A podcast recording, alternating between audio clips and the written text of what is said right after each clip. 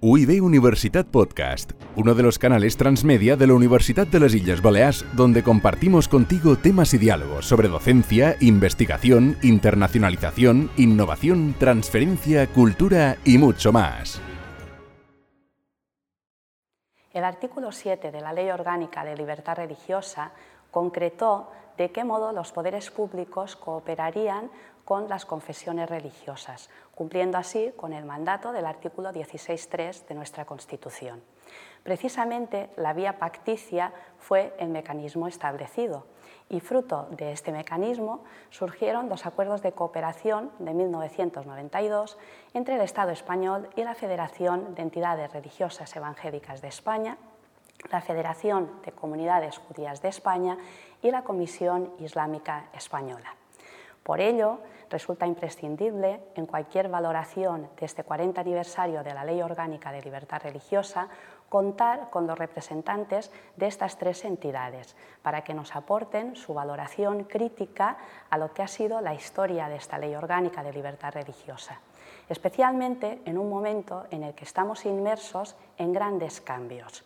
Cambios producidos por el cambio de la atribución competencial de la materia de libertad religiosa que tradicionalmente dependía del Ministerio de Justicia y que ahora ha pasado al Ministerio de Presidencia, de Relaciones con las Cortes Generales y de Memoria Histórica. Y en un momento en el que a raíz de esto se ha suprimido la Subdirección General de Relaciones con las Confesiones Religiosas y se ha creado la Subdirección General de Libertad Religiosa. Además, estos tres representantes de las confesiones forman parte de la Comisión Asesora de Libertad Religiosa. Por tanto, estamos seguros de que su aportación y su valoración va a ser de sumo interés. La Ley Orgánica de Libertad Religiosa de 1980 ha ayudado a hacer la transición religiosa en España. Hasta la vigente Constitución de 1978 había casi un vacío legal y físico de las minorías religiosas. Hoy hay diversidad religiosa, si bien la religión católica sigue siendo claramente la mayoritaria. La Ley Orgánica de Libertad Religiosa ha permitido a las confesiones religiosas minoritarias firmar acuerdos de cooperación con el Estado. En estos 40 años se han celebrado acuerdos con los evangélicos, con los judíos y con los musulmanes. Vamos a ver cómo estas confesiones religiosas valoran la Ley Orgánica de Libertad Religiosa, vamos a conocerlas más y vamos a saber cómo se aplican y desarrollan los acuerdos de cooperación. Es un, tema de rabiosa actualidad. Eh, es la conmemoración de los 40 años de la Ley Orgánica de Libertad Religiosa, una ley orgánica que en algunos aspectos supongo que habrá quedado ya un poquito envejecida, pero 40 años por una ley orgánica como la de libertad religiosa, con todo lo que está pasando en nuestra sociedad, supongo que habrá mucho que discutir y aquí se plantearán también cuestiones eh, muy interesantes. La FEREDE está integrada por numerosas iglesias, eh, incluye incluso eh, dos iglesias ortodoxas. La pregunta es, ¿cómo se consigue la armonía interna en la FEREDE? FEREDE es el nombre, el acróstico de Federación de Entidades Religiosas Evangélicas de España. Es una federación eh, paraguas que acoge a toda la pluralidad de las iglesias evangélicas y protestantes que existen en este, en este país. Entonces eh, siempre se nos ha dicho, ay, los protestantes son muy diversos, unos de una manera, otro de otra. Pues sí, pero estamos todos en la misma federación al objeto de dialogar con eh, el Estado, con las administraciones públicas. Entonces tenemos ahí una interlocución. Y cuando a mí me dicen, pues ustedes son muy diversos, pues yo les digo sí, eh, pero tenemos un consenso, que es la clave. Trabajamos para buscar consensos y yo vengo aquí para expresar el consenso del conjunto de las iglesias y de esa eh, pluralidad. Así que mm, usted tiene que escucharme, hacerme caso y si tengo razón, pues eh, dar cumplimiento a lo que hay allí. Para conseguir este consenso, pues todas las diferentes iglesias están en igualdad de condiciones dentro de la federación. Ahora, unos son más grandes y otros más pequeños, con lo cual hay diferencia de voto en función del tamaño.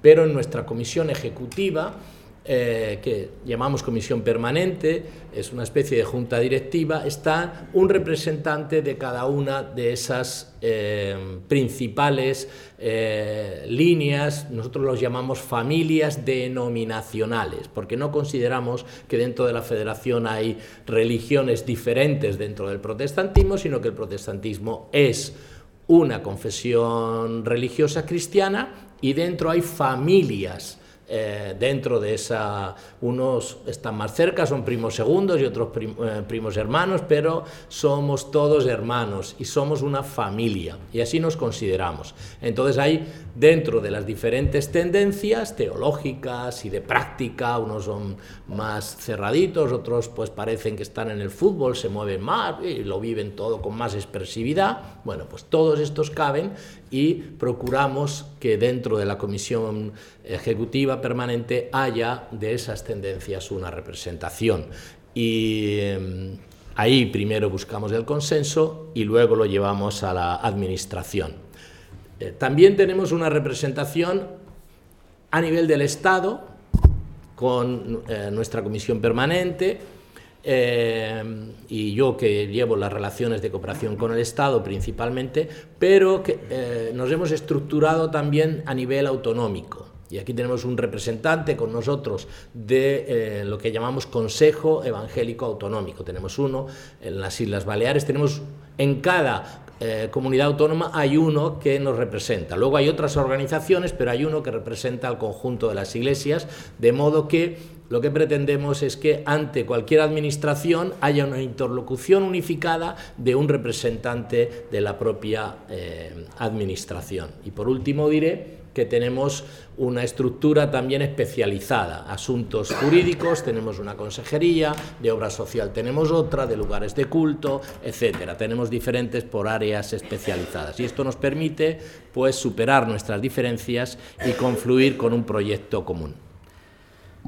El Gobierno parece que va a proponer una nueva ley de libertad de conciencia que sustituya a la actual ley orgánica de libertad religiosa y usted siempre ha dicho que lo que es verdaderamente importante es que se aplique la vigente ley y que quizás no hace falta cambiarla. ¿Sigue pensando esto? Cada vez estoy más convencido. Eh, la Ley Orgánica de Libertad Religiosa de 1980 fue un hito muy importante. Se aprobó, eh, creo recordar, sin ningún voto en contra, hubo alguna abstención, pero hubo un consenso generalizado dentro del Parlamento para la aprobación de esta ley. Ese consenso no existe hoy. Entonces, esta es la primera situación. No podemos eh, realizar una ley de este tipo que es perfectible, se puede mejorar, por supuesto, pero debemos tener un consenso. Es una situación muy sensible la de la libertad religiosa. No es que ahora vamos a mejorar esto un poco unos contra otros o vamos a parar. Yo creo que no es así. En su momento hubo ese consenso, creo que debe ser respetado. La ley orgánica de libertad religiosa pues tiene un contenido muy corto. Eh, nosotros fuimos consultados eh, eh, Ferede para la elaboración de esa, de esa ley, Hicimos proyectos que luego después algunos en buena medida fueron defendidos por parlamentarios y quedaron allí.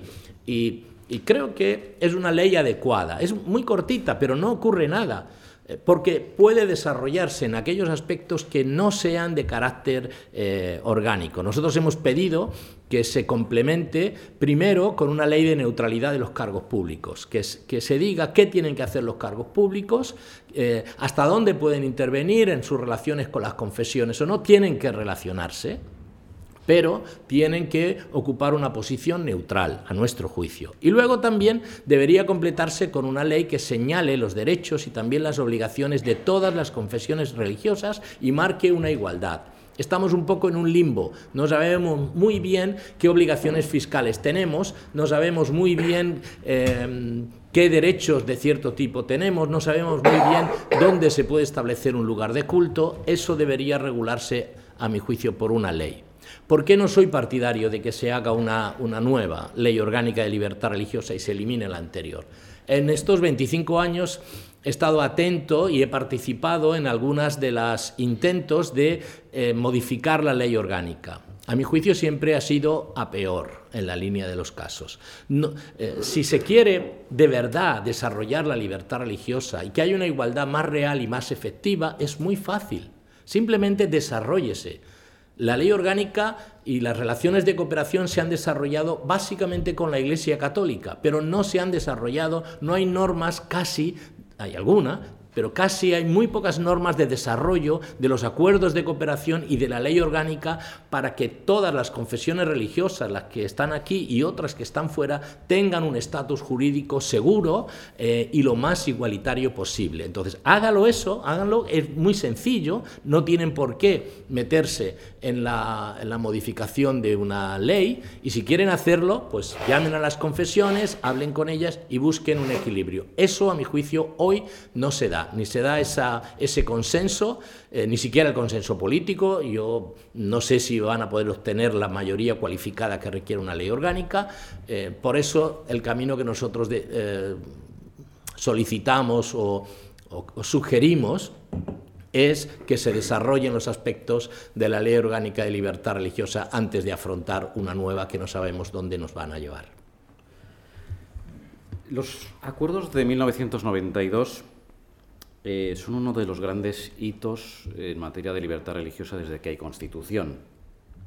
Sin embargo, no ha habido más acuerdos de cooperación. Es decir, el artículo 7 no se ha vuelto a aplicar. ¿Por qué cree usted que ha pasado esto? Bueno, iba a decir no lo sé, pero no, no estoy seguro de que no. en todo este tiempo lo que recibo de eh, los diferentes gobiernos que ha habido es que no, el Estado no tiene voluntad política de hacer nuevos acuerdos de cooperación. Eso claramente a mí se me ha expresado. No hay voluntad de hacer nuevos acuerdos de cooperación.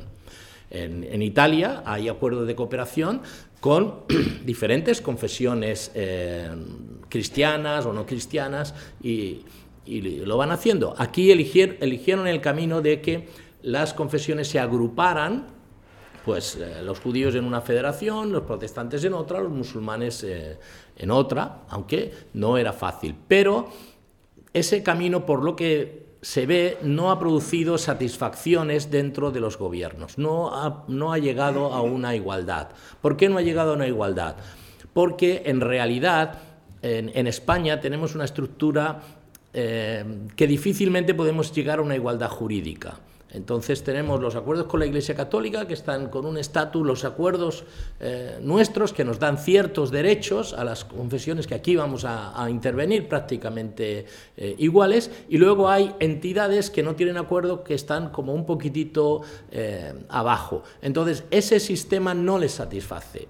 por un lado hay una pugna de mm, eliminarlos casi todos y, y no sabemos qué van a hacer pero en realidad lo que para mí el problema es que los acuerdos están regulando en ocasiones derechos diferentes, cuando los acuerdos deberían regular eh, costumbres diferentes, peculiaridades, pero no derechos. Es decir, tendríamos que tener todos los mismos derechos y las mismas obligaciones y luego el hecho diferencial regularse por acuerdos de cooperación. Yo creo que son importantes los acuerdos de cooperación. Para nosotros supusieron, pues, eh, de estar perseguidos a tener un reconocimiento y tener la indicación de que somos una confesión con quien el Estado habla, dialoga, respetable, y eso a veces lo hemos tenido que sacar a la palestra a la hora de cualquier funcionario que nos ha tratado, pues no sé, mm, con todos los respetos, como si fuéramos ingleses o americanos.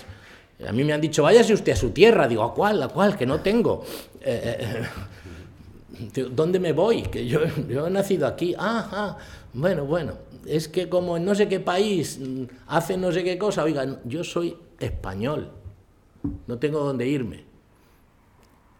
Además, aquí tenemos una libertad para todos. Entonces, ese es el asunto que aquí eh, tenemos eh, y, es grave, es lo que tenemos que, solventar. Por ello, yo creo que el sistema no es muy adecuado, no es muy ajustado y por eso creo que los gobiernos no han querido, no nos da una igualdad, no han querido hacer acuerdos a la italiana con multitud de confesiones religiosas, pero tampoco se atreven. ¿Qué están haciendo? Perdón, y con esto termino. Están intentando que por medio de leyes ordinarias se llegue a una equiparación. Por ejemplo, eh, la ley del mecenazgo es la que más ha equiparado Casi todos los derechos que están en los acuerdos de cooperación están incluidos en la ley del mecenazgo, beneficios fiscales eh, para las entidades que, cumplen esos requisitos. Por tanto, es a través de la ley del mecenazgo o, de otras leyes así donde se va a conseguir una mayor eh, equiparación.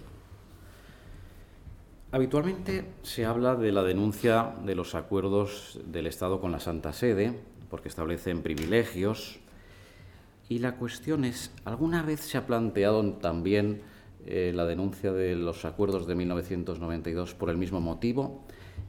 Y también eh, actualmente se habla de la necesidad o se pide que la Iglesia pague el IBI. Eh, ¿También se les pide a ustedes que paguen el IBI? Bueno, vamos a ver. primero, evidentemente, yo he oído más eh, la idea de la denuncia de los acuerdos de cooperación con la Iglesia Católica. Pero también he oído que estamos ante una situación muy difícil porque en realidad eh, los acuerdos de cooperación prevén que solo, con la Iglesia Católica, prevén que solo pueden ser modificados por mutuo acuerdo de ambas partes. Con lo cual, eh, y es un acuerdo internacional, entonces tiene que ponerse el, Estado español con eh, la Santa Sede y llegar a un acuerdo para modificarlo. Lo que podría, y ahora se está hablando, ocurrir es de que el, el, Estado español diga unilateralmente dejo de aplicarlos o dejo de tener esa referencia. Entonces, se, esperaría que la Santa Sede no reaccione en negativo, sino que suele ser cauta en sus reacciones. Yo creo que eso es difícil que ocurra, pero se ha planteado. También se ha planteado eh, que desde luego hay que eliminar los acuerdos de cooperación con las confesiones eh, minoritarias porque también establecen privilegios, establecen, eh, se habla de eh, un estatuto más privilegiado de la Iglesia Católica, el segundo estatuto de las confesiones que tienen acuerdo de cooperación, tercer nivel de las que tienen notorio arraigo y cuarto nivel casi es igual que el anterior del resto de las confesiones. Yo creo que eh, cierta diferenciación es correcta. Ahora, a mí me parece que como el modelo de cómo se han hecho los acuerdos de cooperación no es muy correcto, eso está ocasionando eh, dificultades. En el Parlamento tenemos, hay grupos que no han llegado a una, determinada mayoría y no reciben una serie de beneficios de la Administración. Y eso se admite, se acepta. Pues también hay que aceptar que algunas entidades que no hayan obtenido notorio arraigo tengan una situación diferente. Eh, la cooperación del Estado con las confesiones nunca debe ser para el beneficio directo de las confesiones o favorecer su labor, sino si las confesiones cumplen un fin social, el Estado debe colaborar por ese fin social, la paz religiosa, los derechos humanos, los derechos fundamentales. Es en eso eh, la pobreza, las confesiones que realicen una actividad de ese tipo son las que deberían ser destinatarias de una colaboración con el Estado, no por ser tal, sino por la labor simplemente que realices que cumpla una función social positiva. Y eso podría hacerse las que con las que tienen acuerdo como con las que no. Yo he ofrecido varias veces a la Administración que generen un estatuto, una norma que señale con qué entidades puede colaborar el Estado, sin necesidad de hacer acuerdos de cooperación, que señale requisitos y aquellas que cumplen esa función positiva, que el Estado pueda colaborar con ellas. Sin embargo, pues parece que eh, el camino que ahora se está diciendo es eliminemos todos los acuerdos de cooperación, también con las confesiones, para conseguir una igualdad, en este caso, a la baja, muy a la baja de todas las confesiones religiosas. Esperemos que no sea así. El 60% de los lugares de culto de las confesiones minoritarias son evangélicos. Hace un mes, eh, en el periódico El País, se publicó un artículo titulado Los evangélicos conquistan el polígono, 17 iglesias en dos calles. Y se hablaba de la inmensa guarida evangélica en los polígonos. Eh, ustedes, sin embargo, se quejan de la dificultad que hay en crear lugares de culto. Y, sin embargo, los lugares de culto evangélicos, evidentemente, crecen. ¿Cuáles son los principales problemas? Bueno, hay que decir que ese, artículo del país recibió una contestación nuestra eh, de queja porque no era real, ni las cifras que manejaban, 84 iglesias, ni, nada de esto, no respondía a una realidad, es simplemente una exageración para conseguir un, titular. Eh, pero sí es cierto que en esa zona donde hay allí hay algunas iglesias importantes, eh, de mil, dos mil miembros, hay o más, hay algunas iglesias ahí relevantes en ese eh, polígono industrial que se llama de Aguacate, en una zona de, Madrid donde también hay eh, viviendas. Los, polígonos representan una opción asequible para establecer iglesias evangélicas porque nosotros normalmente ocupamos una, bastante espacio en, nuestros, en nuestras reuniones, eh, no es simplemente el salón de cultos, sino que pues, eh, hay que tener muchas otras salas para actividades de niños, de jóvenes, de familias, etc. Entonces, eh, esa disposición de terreno pues está mucho más asequible en un polígono. Además, pues la gente va con sus coches, en los polígonos industriales los domingos puedes aparcar. Entonces resulta una opción económica. No es que queramos ir a los polígonos, preferimos ir al centro, pero hay lugares donde no quieren que estemos en el centro. Hay normativas que nosotros hemos impugnado donde prohíben que una confesión religiosa eh, que ya no esté establecida pueda abrir un centro de culto en el centro de una localidad. Entonces, eso son eh, estas dificultades que ahí tenemos. No, hay esa expansión tan grande, pero sí hay muchas dificultades para establecer lugares de culto por eh, la normativa municipal en muchos de los casos y en algunos casos por que los responsables municipales quieren utilizar la discrecionalidad que, tiene que tienen los ayuntamientos para regular y ordenar el territorio, quieren utilizarlo para limitar la libertad religiosa. Un caso que citamos es el del ayuntamiento de Torrejón de Ardoz, cerca de Madrid, que ha establecido que no puede haber un lugar de culto cerca de cualquier otro lugar de culto, de cualquier otra confesión, a menos de 500 metros. Entonces establece una distancia y yo pues fui a verlo eh, eh, al, alcalde con eh, un antiguo director de asuntos religiosos le pregunta, ¿por qué esto? dice, así los limito, así los limito. Nos lo acabó confesando. Y digo, oiga, pues limite los bares así, limite los bancos. Oiga, es que un banco, un bar como, bueno, pues un bar, uno tiene derecho a abrir un bar, pero no es un derecho fundamental de abrir un bar.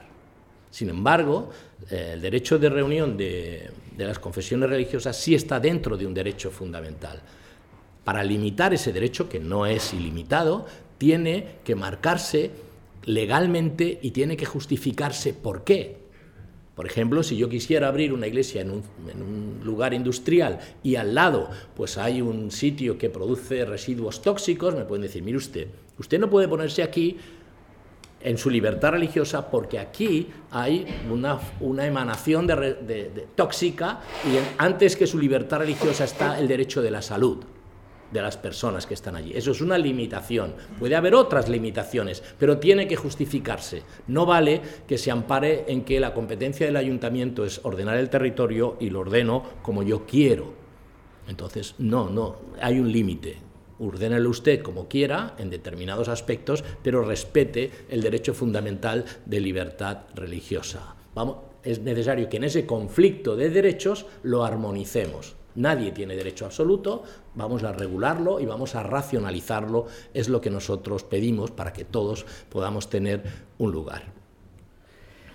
La tradicional competencia en asuntos religiosos eh, ha sido llevada desde hace siglos por el Ministerio de Justicia y recientemente, eh, desde enero de este año, ha pasado al Ministerio de Presidencia. Me gustaría saber cuál es su valoración y también, viendo la nueva reestructuración, ha pasado de haber una subdirección general de relaciones con las confesiones a una subdirección de libertad religiosa. Esto unido al hecho de que se va a proponer una ley de libertad de conciencia, la pregunta es, ¿las confesiones religiosas han pasado a un segundo plano? ¿Prima ahora principalmente eh, la libertad religiosa individual? Bueno, nosotros hemos estado siempre en un segundo o tercer plano, entonces no nos llama mucho la atención eso. Nos hemos sentido una religión de segunda clase en el trato siempre. Eh, no sé qué va a ocurrir. La verdad es que esta situación política es tan incierta en muchos de los aspectos dentro del Estado, no sé qué va a ocurrir.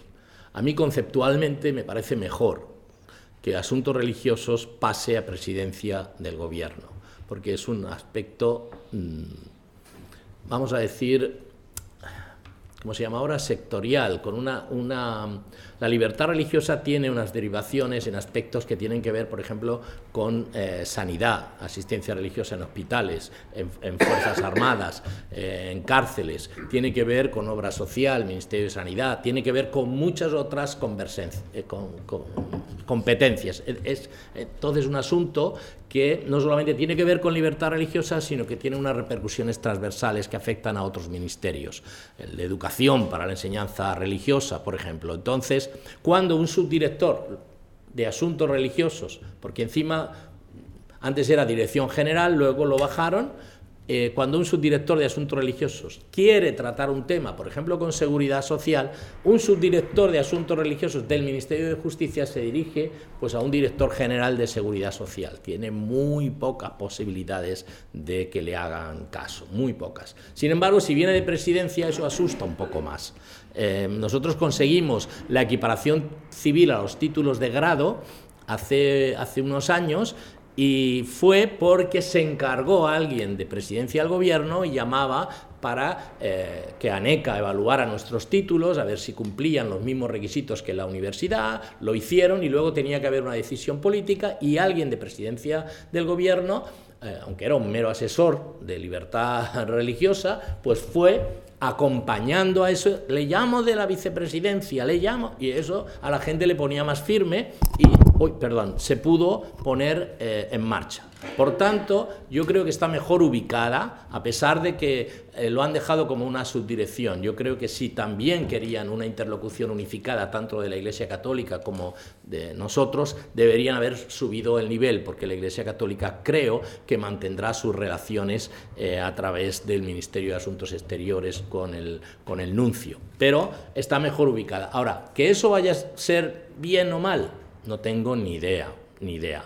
Y mm, ¿Cómo lo van a aplicar? Porque dependerá de la persona que pongan allí y dependerá también de si hay una decisión de los gobiernos. Hasta ahora no ha habido una política religiosa. Lo que ha habido es, déjenlo, no tocar. No tocar mucho. No tocar las cosas con la Iglesia Católica o levemente algo de la educación, pero tampoco con las minorías. Ahora algunos están propugnando tocar, pero para eh, plantear una especie de competencia o de lucha con la Iglesia Católica. Eh, y en mi experiencia, cada vez que esa lucha se ha planteado, yo se lo he dicho, eh, se lo he dicho así a algún representante del gobierno.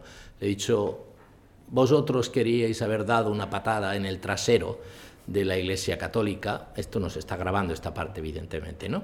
Y como su trasero es muy alto y muy gordo, no habéis llegado, pero nos habéis dado a nosotros, que es más asequible. Eh, entonces, siempre eh, la Iglesia Católica tiene otros canales y la parte que siempre ha sido perjudicada pues en general hemos sido las minorías. Esa es mi, impresión. Espero que ahora no sea así y que la libertad religiosa se desarrolle de una forma más igualitaria y más libre para todos. Muchas veces eh, le he oído decir que la ferede es la confesión invisible porque no se diferencian en hábitos alimentarios ni en vestimenta religiosa. ¿La Administración les hace menos caso por ser menos diferentes? Bueno, yo siempre digo que sí, que nos hace menos casos, eh, menos, menos caso. Eh, tampoco tenemos un Estado detrás. Nosotros nos creímos que la libertad religiosa iba a tratar eh, básicamente con nosotros eh, y que también eh, el interlocutor principal dentro de la Iglesia Católica va a ser la conferencia episcopal, pero no es así. Hay otros intereses y hay otras relaciones que juegan allí. Nosotros no tenemos nadie que en algún caso pueda, pueda presionar y desde luego, pues mm, sí mm, nos sentimos que eh, en ocasiones, pues por eh, no destacar en algunas de las cosas, especialmente comemos de todo, vestimos pues como la gente de la calle, pues entonces eh, eso hace que no se nos preste atención porque a veces no somos un problema. Ha sido crítico en ocasiones con los informes de libertad religiosa que ha elaborado la Comisión Asesora de Libertad Religiosa, que es el principal órgano consultivo del Gobierno, incluso con alguna actuación de la Comisión Asesora. Eh, ¿Cómo está la situación? ¿Cómo podría ser la comisión más operativa? ¿Cuál es su opinión? La comisión asesora es, hasta ahora ha sido un órgano eh, del Ministerio de Justicia, ahora pasará a Presidencia, formado por un tercio de, personas de la Administración, otro tercio de personas son expertos básicamente de derecho eclesiástico del Estado, derecho eh, constitucional, o cualquier otro, pero expertos en materia de libertad religiosa, y otro tercio son representantes de las confesiones. Su función es asesorar al Estado, a la Administración, en determinadas cuestiones que puedan afectar a la libertad religiosa, llámese proyectos de, ley o situaciones que se puedan dar, cómo se está viviendo la libertad religiosa. Es decir, debería velar porque la libertad religiosa fuera real y efectiva y corregir o sugerir, porque no tiene carácter vinculante, sus dictámenes, sugerir aspectos que sean relevantes. También una de sus funciones es, si hay algún otro nuevo acuerdo de cooperación, ellos valorarán, eh, harán un dictamen recomendando o no que se haga esos nuevos acuerdos de cooperación. Bueno, nuevos acuerdos ya hemos dicho que no hay, entonces no, desarrolla ahora mismo esa función, no la ejecuta, pero tampoco, a mi juicio, yo llevo más de 20 años, eh, o 25 en la Comisión Asesora de Libertad Religiosa y no realiza una función de asesorar al Estado en materia de libertad religiosa, no hace dictámenes, no hace recomendaciones. Eh, lo único que ha hecho en los, eh, los últimos años cuando se cambió la normativa fue, se hacía un dictamen, un informe anual de la libertad religiosa, pero era un informe que yo he criticado y me he negado a votar favorablemente porque era un informe edulcorado. Eh, oculta un poco la realidad, dice que todo está bien, que vamos bien, que vamos avanzando y yo creo que lo que tenemos en España, sobre todo con las minorías, es un inmovilismo. No se quiere cambiar algunas cuestiones y algunas dificultades que, tienen, que, que están ahí con respecto a la libertad religiosa. Para que solamente dar un ejemplo, en mil 1992, 92 no, en el 12, 2012, hubo una sentencia del Tribunal Europeo de Derechos Humanos que condenó a España a incluir a los pastores eh, evangélicos en la seguridad social porque se les había negado por la sola condición de ser eh, pastores evangélicos. Se les, eh, se les, había impedido desde la época de Franco hasta 1999 estar incluidos en la, en la seguridad social un poco antes del 99, no, sí, en el 99.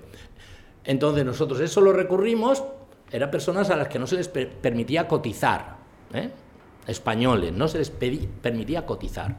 Eso se ganó, en tuvimos que ir hasta el Tribunal de Estrasburgo porque aquí no había nadie que nos hiciera caso y desde ese momento hasta el momento actual estamos esperando que España ejecute la sentencia en el momento actual. Yo estoy esperando que los nuevos representantes de asuntos religiosos nos reciban para volver a plantear esto. Oiga, esto es una sentencia de hace no sé cuántos años que ustedes tienen que eh, aplicar y desarrollar. No es que no lo aplicaran normalmente, sacaron un real decreto que, eh, para que no se pudiera cumplir por nadie. Lo impugnamos, lo volvimos a, a ganar otra vez, y, pero seguimos sin que eso se eh, desarrolle. Esto es lo que nos sentimos. Yo pues, soy muy... Eh, me tensiono con la comisión asesora y con el gobierno por su inmovilismo de que no quieren hacer nada, no se atreven, bueno, vamos a dejarlo para una época, ahora no están las cosas, como, no lo sé, afronten este problema y si quieren hacernos una libertad religiosa, pues empiecen por ejecutar las cosas, eh, las condenas de los tribunales. Es, es así de sencillo, pero lo que puede ser sencillo, para nosotros no lo es. Para nosotros no lo es. La ley orgánica de libertad religiosa no define el término ministro de culto, si lo hacen los acuerdos de 1992. Sería bueno que la ley diera una definición de ministro de culto. Y por otro lado, en la FEREDE hay eh, mujeres que son eh, ministros de culto. ¿Cuántas hay?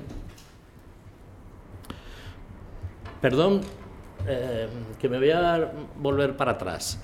en la pregunta anterior habíamos dicho sobre el informe de la comisión asesora.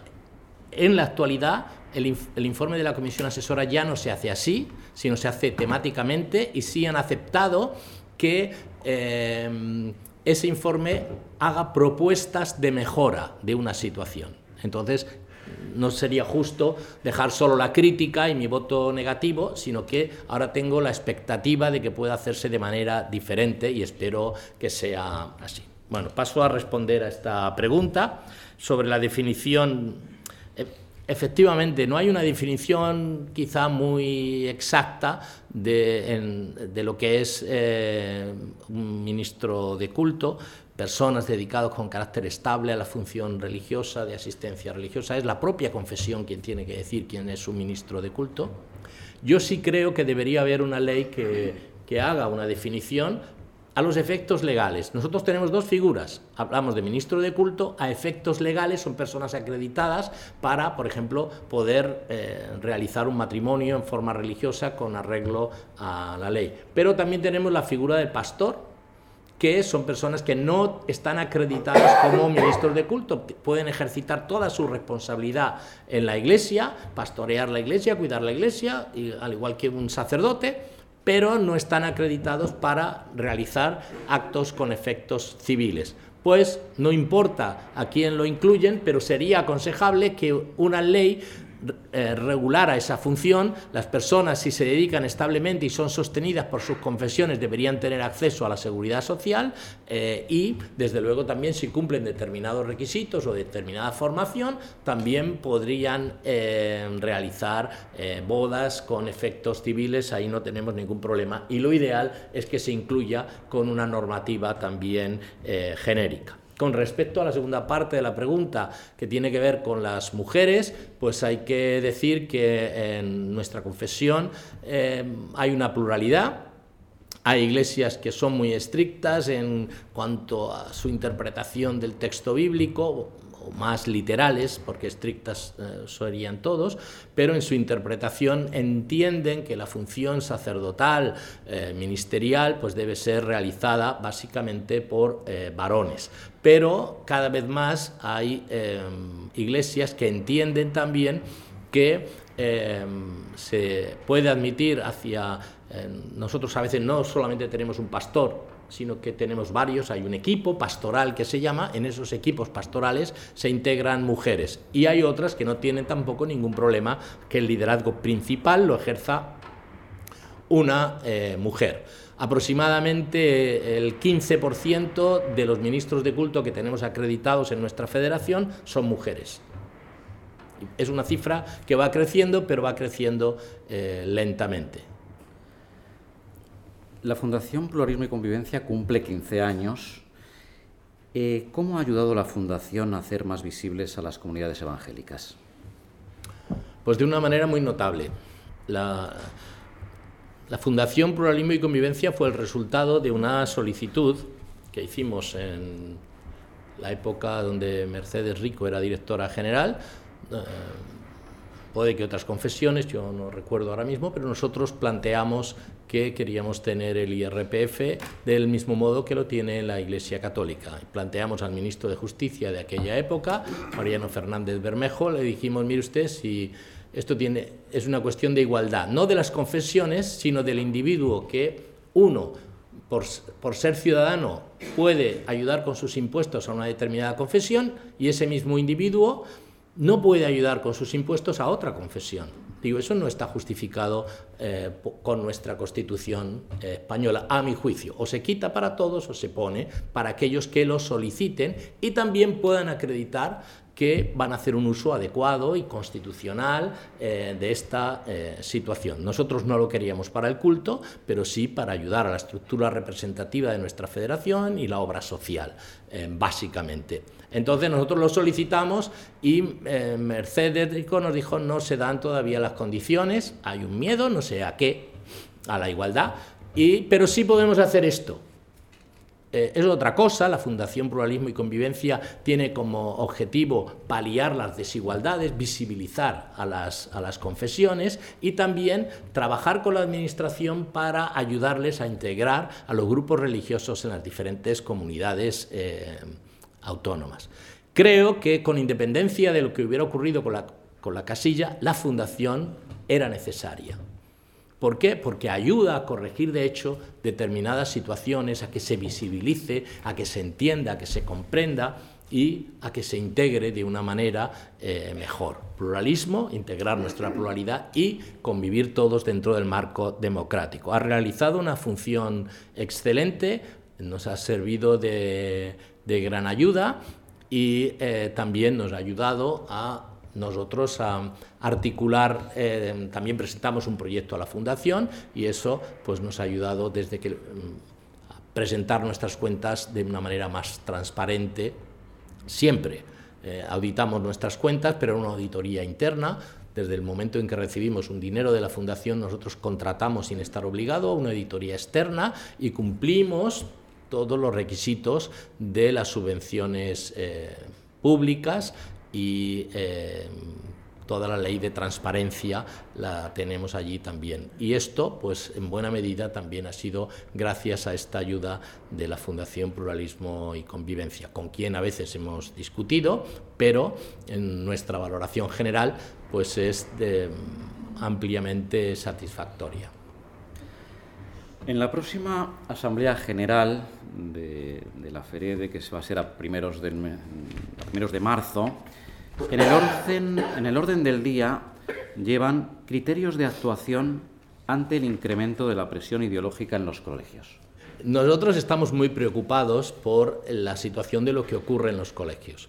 Hace, antes de que se inventara esto del PIN parental, nosotros ya habíamos estudiado y habíamos sacado una recomendación para las madres y padres de, nuestros niños para que no sean obligados a recibir una formación que pueda violentar eh, nuestra identidad religiosa. Nosotros somos partidarios de que eh, los chicos sean educados en pluralidad, en aceptación de todo tipo de personas y de situaciones y de matrimonios, etcétera, pero no, no deben ser invitados a participar en no sé qué tipo de actividades. Y hemos recibido bastantes noticias de determinadas situaciones que no nos parecen que eh, respetan la neutralidad de la propia administración. No queremos que desde los colegios se eh, mande una ideología hacia nuestros hijos. Yo estudié religión católica porque no había opción para mí. Y me decían los chicos, no, ahora peleate con el cura, haz no sé qué, hazle preguntas de, de, tal, ¿no? Y, y yo no, no, he tenido ningún problema. Yo sé que eh, nuestros chicos tienen que vivir en un entorno donde van a recibir unas determinadas influencias. Pero yo creo que del mismo modo, yo no quise que mis hijos recibieran religión católica para que se les diera algo neutral. Y no quiero que ahora se pase al lado contrario se les marque alguna otra situación. Queremos que tiene que haber una información. Por, ejemplo, nosotros del hecho religioso creíamos que tenía que haber una información en la escuela de una manera diferente, que tenía que haber una asignatura, no sé si la de confesional debe seguir existiendo, pero debe haber una asignatura donde los alumnos puedan ver pues, a, un musulmán, pues a, a un judío, a un protestante y le puedan preguntar, pero puedan verle la cara porque a veces se nos muestra como si fuéramos elementos extraños. Yo recuerdo en mi juventud cuando me hice protestante, yo estaba en una familia católica y estaba hablando allí con una serie de compañeros universitarios y recuerdo una que estaba así con una cruz así, haciéndome así eh, en, la, en, la, esta, ¿no? Y yo al principio digo, ¿qué le pasa a esa chica? No, me estaba ahí tratando de, de sortizar por el miedo que le habían metido. Entonces, esto es lo que debemos eliminar. Eh, esto de un lado y de otro, para, y cuando nos vemos, nos escuchamos, eso pues, pues nos lleva muy bien. Ustedes no saben que este señor es amigo mío y este señor es amigo mío y entre ellos también lo son. Ah, los judíos y, y los musulmanes se llevan bien, claro, y se dan abrazos y besos si hace falta, lo que haga falta, porque nos tenemos respeto. Ahora que queremos que eso mismo también ocurra en la eh, sociedad. Entonces nosotros hemos elaborado unos criterios para tratar este asunto pacíficamente que se les enseña, en la medida de lo posible, pacíficamente, que se les enseña a los, a los chicos la pluralidad, que nos den participación en esa, en esa situación también, pero que no se pretenda eh, marcar eh, y condicionar pues, la situación de, de, los niños de manera con algunos criterios que nosotros sí entendemos que hay, eh, que son ideología, ideología dominante. ahora mismo públicamente en, los diferentes eh, partidos políticos. La respetamos, que sea mayoritaria o que sea dominante, pero también tenemos derecho a mm, que nuestra identidad sea simplemente eh, respetada. ¿eh? Bueno, y la última pregunta tiene que ver con el derecho de acceso. tienen un programa en televisión que ha cumplido 35 años. Realmente eh, tienen el programa de televisión antes de la celebración del acuerdo del 92, por lo tanto parece que para firmar un acuerdo de cooperación sería necesario tener un programa de televisión antes. Eh, ¿Cuántos eh, programas más de televisión tienen en las autonómicas, en la radiotelevisión pública? Bueno, en principio hay que decir que efectivamente ese programa de televisión se dio hace 35 años también para judíos protestantes y musulmanes y mm, eso también muestra de que, quizá lo contrario, de que no es necesario tener un acuerdo de cooperación para desarrollar. la, cooperación que se, señala en la Constitución y en la ley orgánica con las confesiones no necesariamente tiene que tener forma de una ley. Se puede, el Estado puede cooperar sin necesidad de una ley. Entonces no es obligado puede tener lugar mediante una ley, cosa que ocurrió en el 92 y 10 o 12 años antes estaba esto ¿eh? allí marcado. Entonces, ¿qué tiene que haber? Sensibilidad de integrar la pluralidad y mostrarla. Eso es lo que, lo que ocurrió. Eh, ¿Dónde se ha desarrollado más? Pues hay programas de televisión eh, también públicos en desarrollo de los acuerdos de cooperación en Andalucía, Cataluña, eh, Galicia y País Vasco, creo, eh, que son los que, los que hay, llevan también bastante tiempo y tienen ese desarrollo, no, es un desarrollo eh, tanto apologético, sino de mostrar a la sociedad pues, que vean una imagen amable de, se intenta que sea amable. Cuando salgo yo no sale tan amable, pero en general sí es amable de las confesiones eh, religiosas y del papel que pueden jugar en la sociedad. ¿Qué es la Federación de Comunidades Judías de España? La Federación de Comunidades Judías de España es una asociación que nació en el 65 para, pues para albergar las diferentes comunidades judías que existían en ese momento en España. ¿no?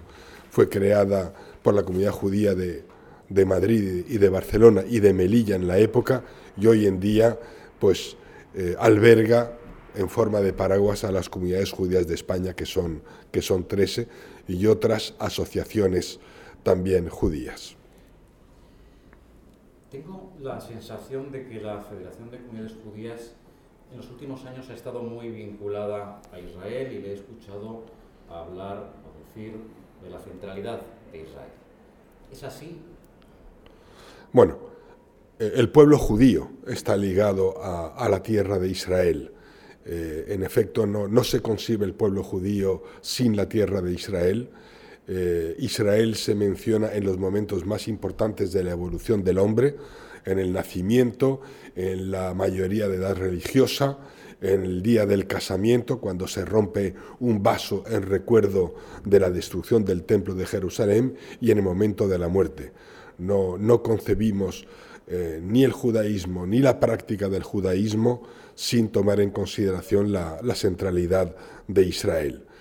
Eh, por otra parte, em, siempre, no olvidemos que el pueblo judío ha vivido su historia fuera de la tierra de Israel durante dos mil años de exilio. Solo llevamos en, la tierra de Israel 70 años, ¿no? Em, y por tanto ha sido una aspiración histórica hasta que se hizo política y fue posible solo después de la Segunda Guerra Mundial. Este año ha sido muy especial la conmemoración del Día Oficial del Holocausto. Se cumplía el 75 aniversario de la liberación de Auschwitz. Cada 27 de enero, en los últimos años, se celebra un acto en el Senado. ¿Qué puede decirnos de este acto?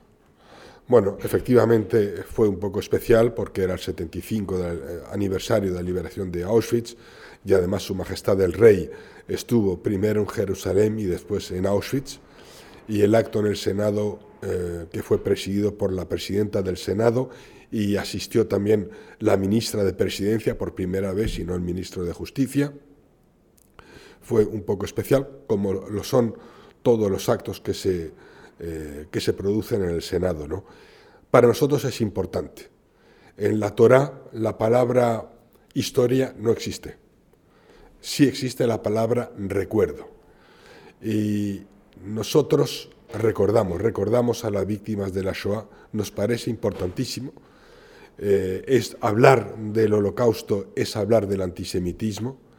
Y sí quisiera remarcar que el antisemitismo afecta desde luego a los judíos, pero afecta al resto de la sociedad por igual o peor. Siempre solemos repetir que cuando se produce una tragedia para el pueblo judío es porque se está fraguando una catástrofe para la humanidad. Es verdad que se asesinó de manera sistemática a seis millones de judíos durante la Segunda Guerra Mundial, utilizando los recursos de un Estado democrático, culto, inteligente, pero la Segunda Guerra Mundial costó más de 66 millones de muertos. Fue realmente la mayor catástrofe de la historia de la humanidad, ¿verdad? Estoy convencido de que gran parte del éxito de la libertad religiosa en España son las propias confesiones y sus líderes. ¿Es difícil liderar el judaísmo en España? ¿Es difícil ser interlocutor con el Estado siendo una minoría? Bueno, en primer lugar, eh, tenemos que decir que nosotros, los judíos, estamos agradecidos a España y a la sociedad española. Se ha dado un giro eh, impresionante. El cambio lo marca el advenimiento de la democracia y la aprobación de la Constitución del 78. Eh, se reconoce, en primer lugar, el factor religioso en la sociedad y el artículo 16 reconoce la libertad de religión. La aspiración del pueblo judío durante dos mil años de exilio eh, en, la diáspora, en el mundo. Los judíos siempre hemos reivindicado el, derecho a la diferencia. Eh, ¿Por qué? Porque siempre hemos querido cumplir con nuestras tradiciones y siempre hemos respetado al resto de, religiones. Y entendemos que el, derecho a la diferencia debe aplicarse a todos por igual. Y primero la Constitución y después la libertad, la ley de, orgánica de libertad religiosa, eh, festejamos ahora su 40 aniversario, ha marcado una, una, gran diferencia en España. Es verdad, como decía mi amigo Mariano Blázquez de la FEREDE, que quedan posiblemente temas por desarrollar. Eh, que nosotros también estamos muy satisfechos con la Constitución y con la Ley de Orgánica de Libertad Religiosa, que quedan lo insistimos, temas por desarrollar y que no vemos necesidad de, cambio. Pero sí hemos, tenido, tenemos que reconocer que el cambio ha sido extraordinario. No olvidemos lo que decía un, pensador cristiano francés llamado Charles Péguy, que nació a finales del siglo XIX, murió a principios del siglo XX. Él decía que un alma perversa es peor que un alma habituada. Estábamos acostumbrados, habituados a que aquí había solo una religión y todos los demás éramos extranjeros. Eh, es verdad que se nos ha considerado, lo decía Mariano, como lo puede decir Riay, muchas veces ¿qué hace un judío en España? O que un ministro de Asuntos Exteriores pueda cometer un error y me diga a mí, como presidente de la federación, eh, ayer he estado en reunión con tu embajador y le tuve que preguntar eh, con el embajador de qué país, ministro, porque soy tan español como usted. Entonces, es, hay ese error, ese prejuicio que suele repetirse. ¿no? Ser líder de los judíos es siempre difícil. Eh, cuando hay dos judíos hay por lo menos tres opiniones. Eh, eso es así, somos discutidores, somos muy poquitos en el mundo, somos apenas 14 millones, apenas nos conocen, pero hacemos mucho ruido.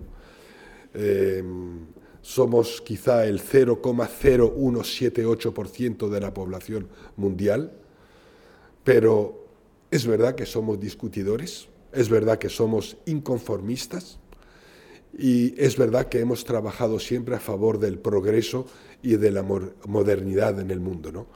Y bueno, esto ha molestado a mucha, a mucha gente.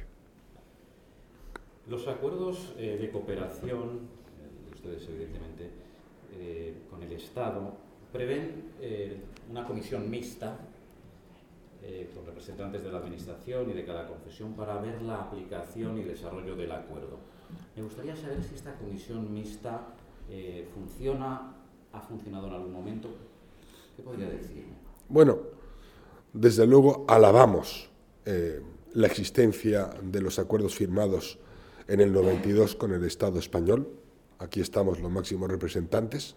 Han sido buenos para las regiones y creemos que ha sido bueno para España, haciendo de España una sociedad plural y diversa, siguiendo el mandato del artículo 16 de la Constitución. Comisión mixta mm, ni se la ha visto ni se la espera. Pero sí tenemos una comisión asesora de libertad religiosa, ha hecho referencia Mariano a ella hace un rato. Yo creo que es, mi valoración es absolutamente positiva y yo que he participado a lo largo de estos ocho años en muchas de las reuniones, primero estoy agradecido y segundo tengo que, decir que alabo la existencia de esta comisión asesora.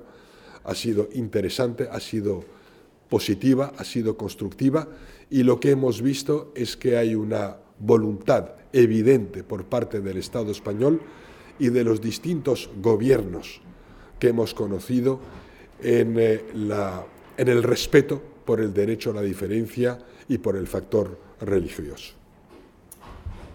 Sigue el 36% de los alumnos de secundaria sin querer tener un compañero de mesa judío, como decía una encuesta de hace 12 años. ¿Se vive con inquietud en España siendo judío? Bueno, efectivamente es una pregunta interesante. Recuerdo esa encuesta, fue pequeña porque la muestra fue solamente de 1.500 estudiantes de secundaria, donde el 36% decía que no admitiría a un compañero de pupitre judío, los números eran aún peores con respecto a los musulmanes. Pero cuando se les preguntaba si habían conocido a un musulmán o a un judío, la enorme mayoría ni había interactuado nunca con un musulmán o con un judío.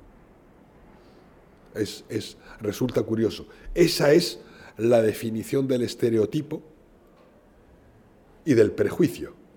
A eso hacía referencia precisamente Charles Peguy. No lo sé si sigue siendo así. Esperemos que no.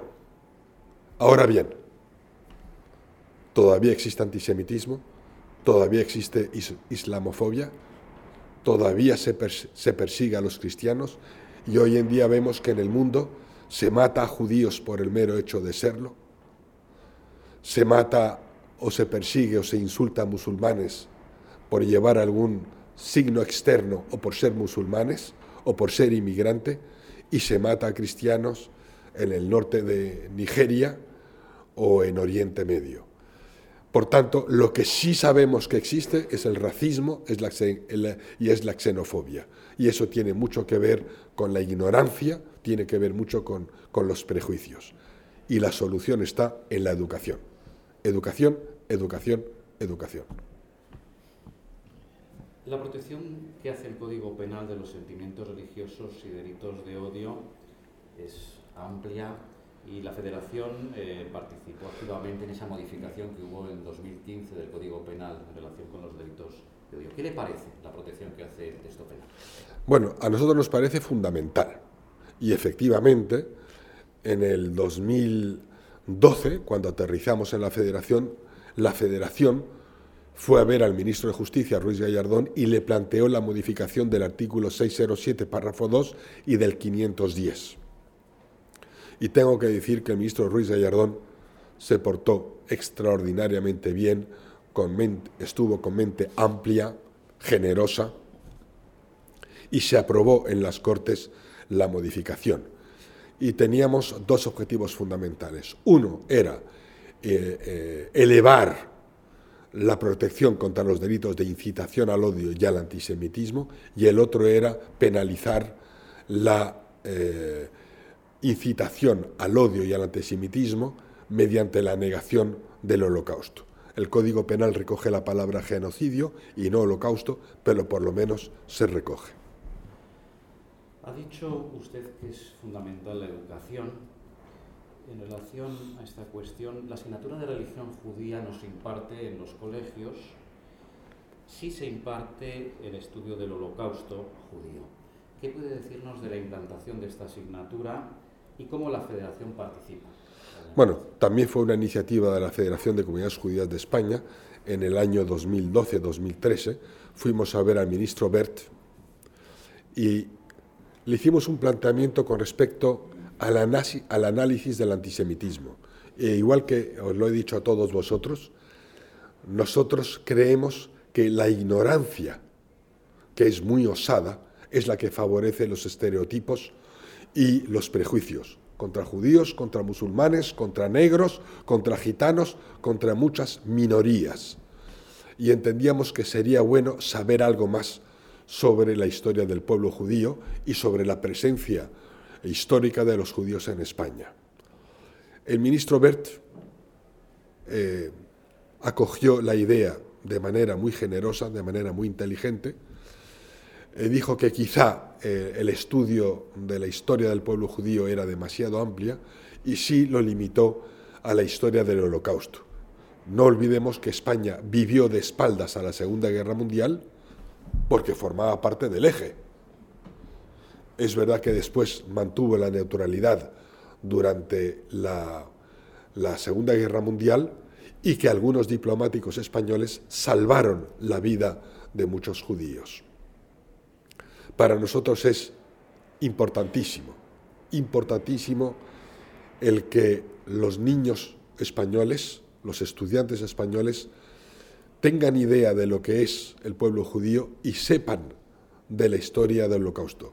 Lo vuelvo a repetir, al igual que el antisemitismo, el holocausto no afecta al, pueblo judío. Es verdad que fue singular y es verdad que se mataba a los judíos independientemente de que fueran niños o niñas mayores o jóvenes, eh, polacos o alemanes o franceses.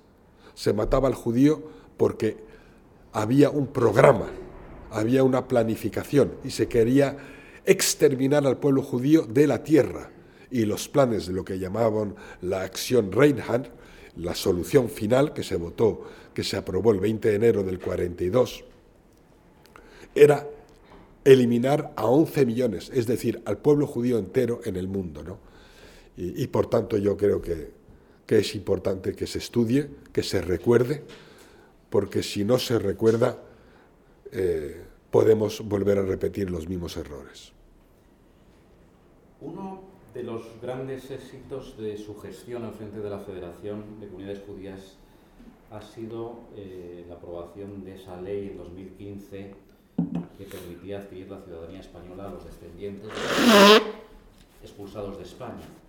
Esta ley ha supuesto reparar la injusticia que fue el edicto de expulsión. ¿Cuántas personas eh, descendientes de judíos han adquirido la nacionalidad? También, efectivamente, profesor González, esta fue una iniciativa de la Federación de Comunidades Judías de España. Se la planteamos al eh, ministro Ruiz Gallardón, que una vez más lo acogió de manera generosa. También el ministro Rafael Catalá, que lo sustituyó en el gobierno, eh, se portó bien y, tuvo visión amplia con respecto a esta ley, así como todos los equipos del Ministerio de Justicia. Eh, planteamos esta ley porque creíamos importante para España el poder corregir un error. Nosotros nunca hemos hablado de reparaciones. Nosotros no solemos mirar atrás, porque cuando se mira atrás se corre el riesgo de convertirse en estatua de sal. Nosotros miramos para el futuro, hablamos de concordia. Somos constructores de la historia y del futuro. Eh, y yo creo que cuando una sociedad, un grupo, un país reconoce errores del pasado, ese país, ese grupo, esa sociedad es moralmente mejor. Y en efecto, como todos sabemos, en ese momento habían comunidades judías que corrían peligro en Turquía y en, eh, eh, y en Venezuela. Y pensábamos mucho en esas comunidades judías. Así también lo entendió el ministro de Justicia.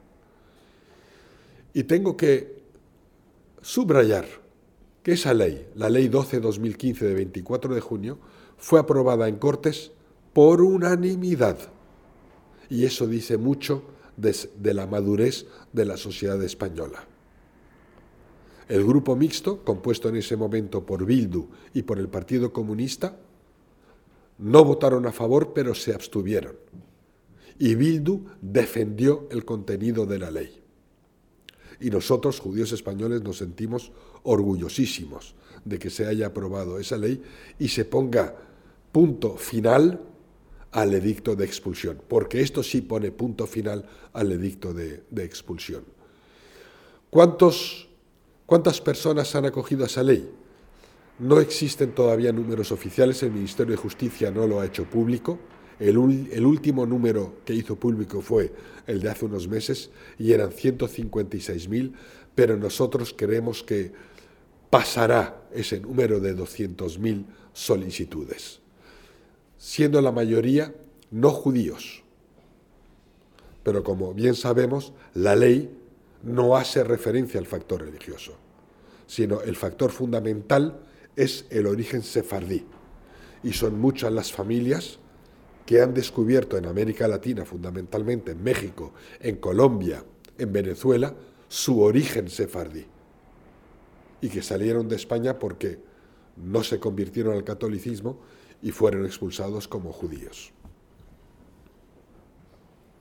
Siendo muy, muy importante, como ha dicho esta ley, también viendo, poner algún pero, habría que decir que eh, los criterios eh, que se exigieron para adquirir la nacionalidad a través de la ley fueron bastante exigentes, creo, y eh, el hecho de que haya caducado, es decir, es de 2015 pero ya no está vigente, y me llama la atención ¿no? por el hecho de que bueno, las ganas de ser español que se demuestra por los sefardíes es evidente, ¿no? después de 500 años quieren ser españoles, que hoy en día es muy, muy destacable. ¿Ha quedado entonces ya eh, derogada esta ley? ¿Es posible que se amplíe, se reforme, haya más plazo? Desde luego la ley 12-2015, 24 de junio, ha terminado. Su vigencia ha terminado el pasado primero de octubre. Eh, nuestra intención era una ley más amplia, más generosa, así lo entendió el ministro Ruiz Gallardón, pero, como en todas partes, eh, no hubo unanimidad en el seno del gobierno español. Y por eso hemos tenido una ley más compleja, más exigente, a veces incluso torpe o contradictoria, más farragosa, y los requisitos que se exigieron al solicitante fueron a veces muy duros, porque no solo había que demostrar el origen sefardí y hablar español, sino que había que demostrar la vinculación actual con España. Y además venir a España para firmar el acta de notoriedad delante de un notario. Por tanto, no, no, no fue fácil, no era lo que hubiéramos querido. Pero la Federación de Comunidades Judías de España decidió no impugnar esta ley, no protestar, sino negociar, y creemos que era mejor, que fue mejor, tener una ley un tanto torpe, un tanto contradictoria, que no tener esa ley. Y bueno, en cualquier caso podemos hablar de éxito. En España hay un tribunal rabínico autorizado por Israel. ¿Qué función tiene este tribunal? Bueno, a lo largo de la historia del pueblo judío, el factor justicia es tremendamente importante.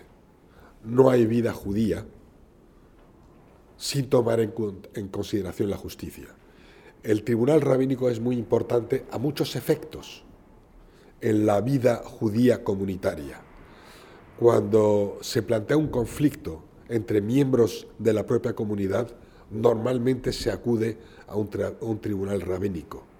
Contrariamente a lo que se cree, no se necesita ni un rabino ni un tribunal rabínico para casar a un hombre y una mujer de la comunidad judía, pero sí para el divorcio y sí para resolver casos conflictuales, incluso en el tema de negocios. Entonces, en Marruecos teníamos, por ejemplo, y, lo digo bien, en Marruecos, país árabe y musulmán, teníamos un, tribunal rabínico reconocido por el Estado y cuya decisión tenía eficacia reconocida a nivel jurídico. en España no tenemos ese reconocimiento y nos acogemos a la ley española vigente. Ahora, es verdad que tenemos un tribunal rabínico para la conversión de aquellos que quieren convertirse al judaísmo o para el caso de divorcio. El, eh, tribunal rabínico para comunidades ortodoxas como las nuestras no son, no proceden, contrariamente a lo que se cree de Israel, sino de Europa. Y el acuerdo, la Federación de Comunidades Judías de España lo tiene firmado con la Conferencia Europea de Rabinos, y ese es el, tribunal que viene a visitarnos cuando, en caso de necesidad. Hablado de la conversión, estamos en Mallorca y aquí están los eh, chuetas, los descendientes de judíos conversos de Mallorca. Eh, ¿Son los chuetas judíos? ¿Puede un tribunal rabínico reconocer a un chueta su retorno al judaísmo sin que haya conversión religiosa? La conversión es difícil, ¿verdad? Bueno, en primer lugar, el chueta es un elemento fundamental de la historia del pueblo judío en España, de la comunidad judía en España. Y, y cuando se habla de chuetas se habla de los judíos que permanecieron aquí, de los judíos de Mallorca. No hay chuetas en Madrid o no hay chuetas en Ávila, sino cuando se habla de chuetas se habla de los judíos de Mallorca. Y normalmente se han reconocido por, por los apellidos, por 10 o 15 apellidos que algunos han llegado a llamar apellidos malditos. Eh, y de hecho existió hasta los años bien entrado a los 60 o quizá los 50, algún tipo de prejuicio y de estereotipo con respecto a los chuetas. Y de llamar chueta a alguien aquí en Mallorca era muy despectivo. Hoy afortunadamente eso se va resolviendo. Si son judíos o no, desde luego no me toca a mí determinarlo. El, el, que alguien sea chueta merece el mismo respeto que alguien que no sea chueta. Ahora, si el chueta es considerado automáticamente judío, hoy en día conociendo la opinión mayoritaria de los tribunales rabínicos en Jerusalén o en Europa, los tribunales rabínicos ortodoxos, yo dudo mucho que una persona que se diga de origen chueta o chueta sea considerada automáticamente judía. Normalmente, eh, hoy en día, un tribunal rabínico examinaría caso por caso y nunca hablaría de generalidad. Pero es como si hay otra persona que no es chueta y que viene a convertirse al judaísmo y que puede tener raíces judías por vía materna. Los rabinos analizarían caso por caso. Y si se demostrase que tiene raíces judías y que hubieran mantenido esa tradición a escondidas, podría ser considerada judía o a lo mejor sometida a un mínimo examen por parte de los rabinos. Pero normalmente la conversión al judaísmo requiere de una preparación importante, intensa, y de, un examen delante de un tribunal rabínico. Los productos eh, kosher eh, se asocian a, calidad, hay productos alimenticios, cosméticos, eh, consumidos además por, por no judíos. Es una industria que crece vertiginosamente. ¿De qué forma la federación certifica? Bueno, en primer lugar, el factor kashrut es importante en la comunidad judía, al igual que lo es el halal en la, en la, comunidad musulmana. Kashrut, kasher, significa para, para los judíos puro. Y teref, es decir, no kosher, no kasher, significa impuro. En la Torah hay una serie de productos que están formalmente prohibidos, como el cerdo, por ejemplo, u otros alimentos que según cómo se presenten están permitidos o no. Es decir, podemos comer eh, carne, sí, siempre y cuando se cumplan una serie de condiciones. Es decir, ¿la carne es automáticamente kasher? No. ¿La carne se prohíbe automáticamente? No. Pero tiene que ser, tiene que ser eh, rumiante y tiene que tener la pezuña hendida. Pero además tiene que ser matada por un experto. Y además ese experto que examine al animal y que mate al animal tiene que utilizar un instrumental bien determinado, que viene descrito en la ley. ¿Por qué? No hay explicaciones en la Torah. La Torah no da explicaciones.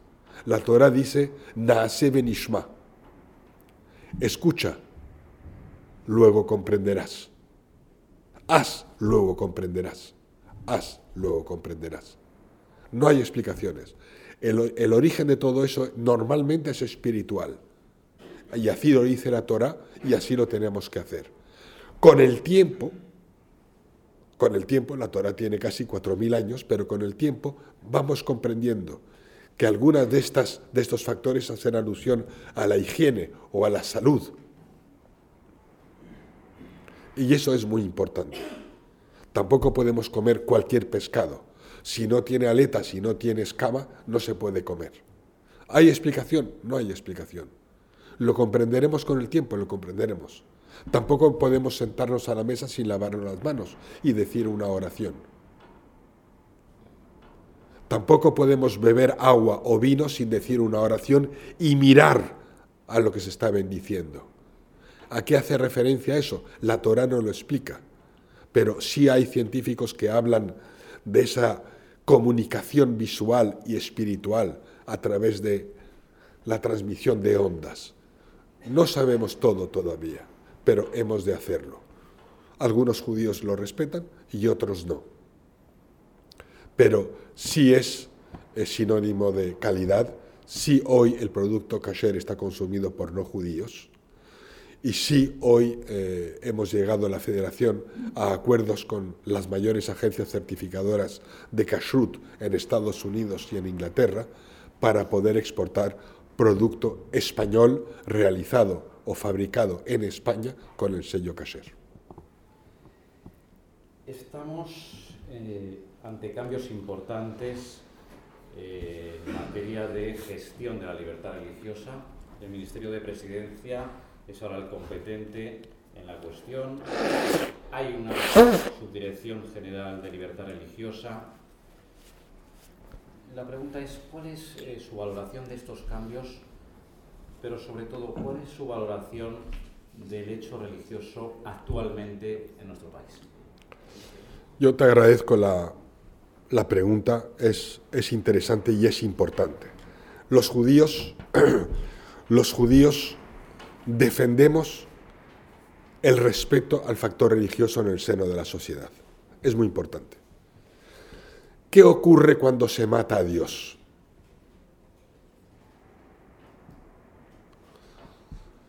Hemos tenido ejemplos a lo largo de la historia.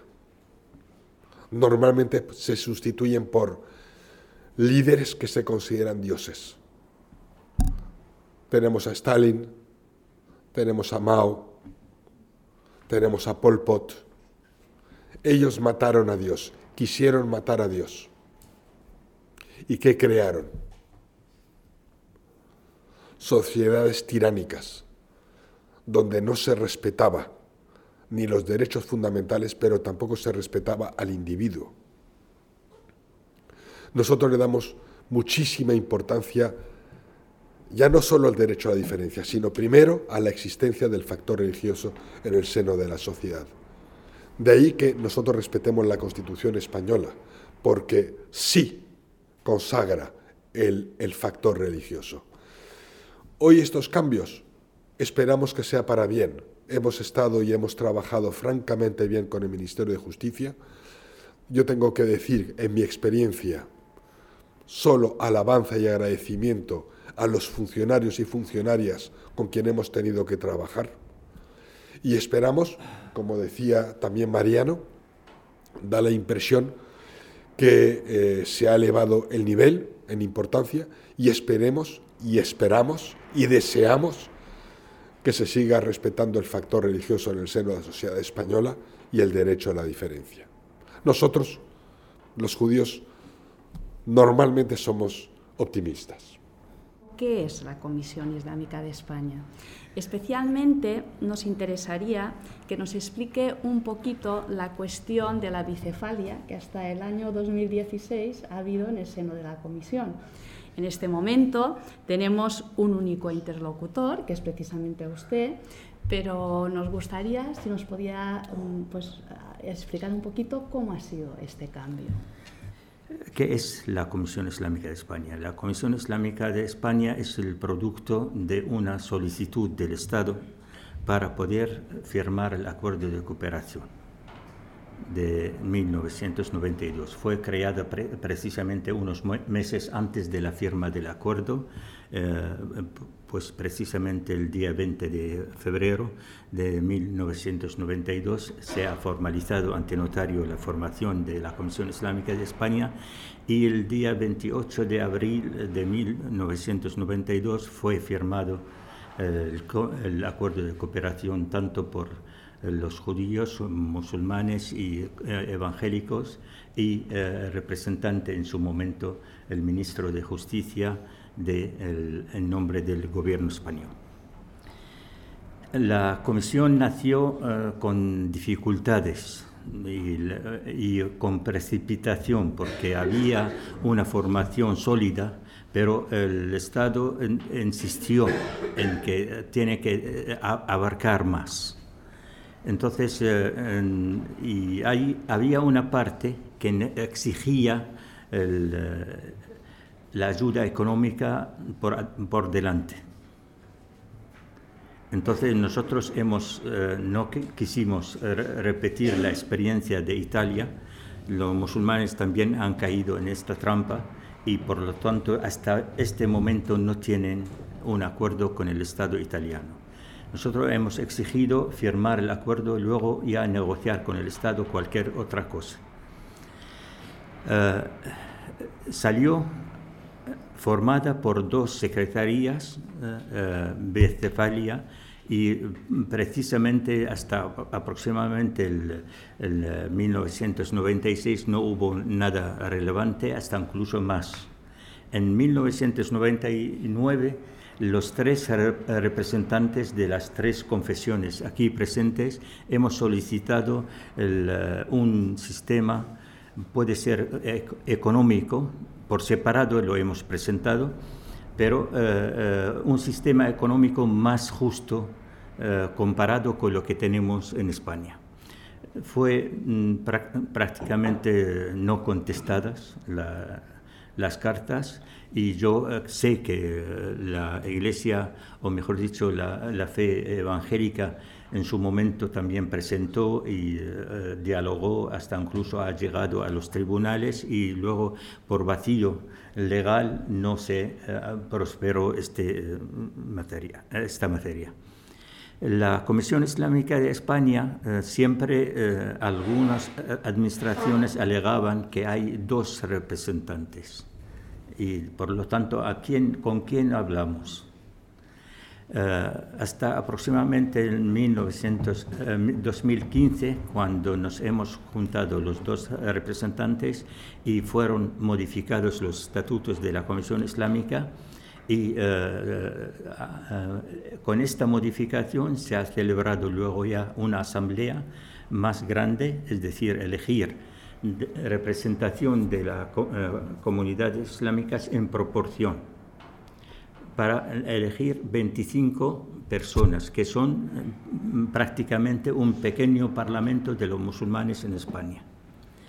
Eligen a un eh, presidente y a una junta directiva de siete personas, con, eh, para cuatro años. Esto hecho ha, dado un resultado um, mágico, de verdad, porque lo que hemos hecho en 25 años, en 25 meses lo hemos logrado doblarlo o más.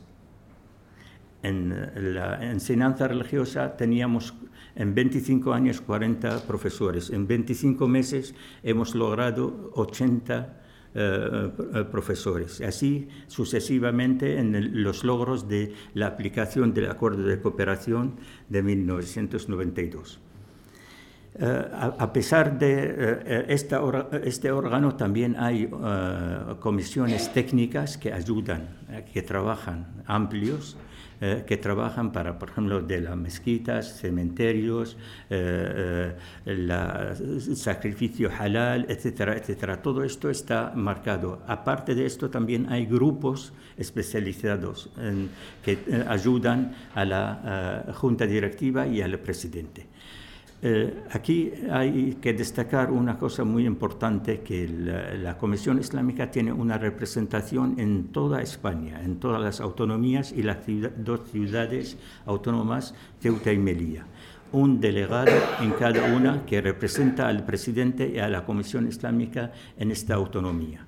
Así, de esta forma, no hace falta buscar, eh, eh, una vez nombrado, el, delegado de eh, eh, tal, inmediatamente se envía una carta al presidente de la autonomía y al delegado del gobierno para que eh, se reconozca su presencia y acuda a él también en cualquier problema de, la, de los musulmanes en la autonomía.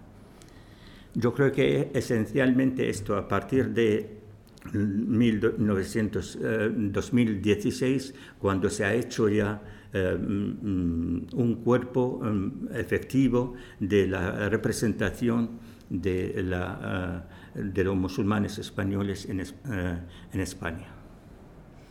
La Ley Orgánica de Libertad Religiosa cumple 40 años, estamos de aniversario. ¿Qué supuso en el momento de la entrada en vigor de esta ley?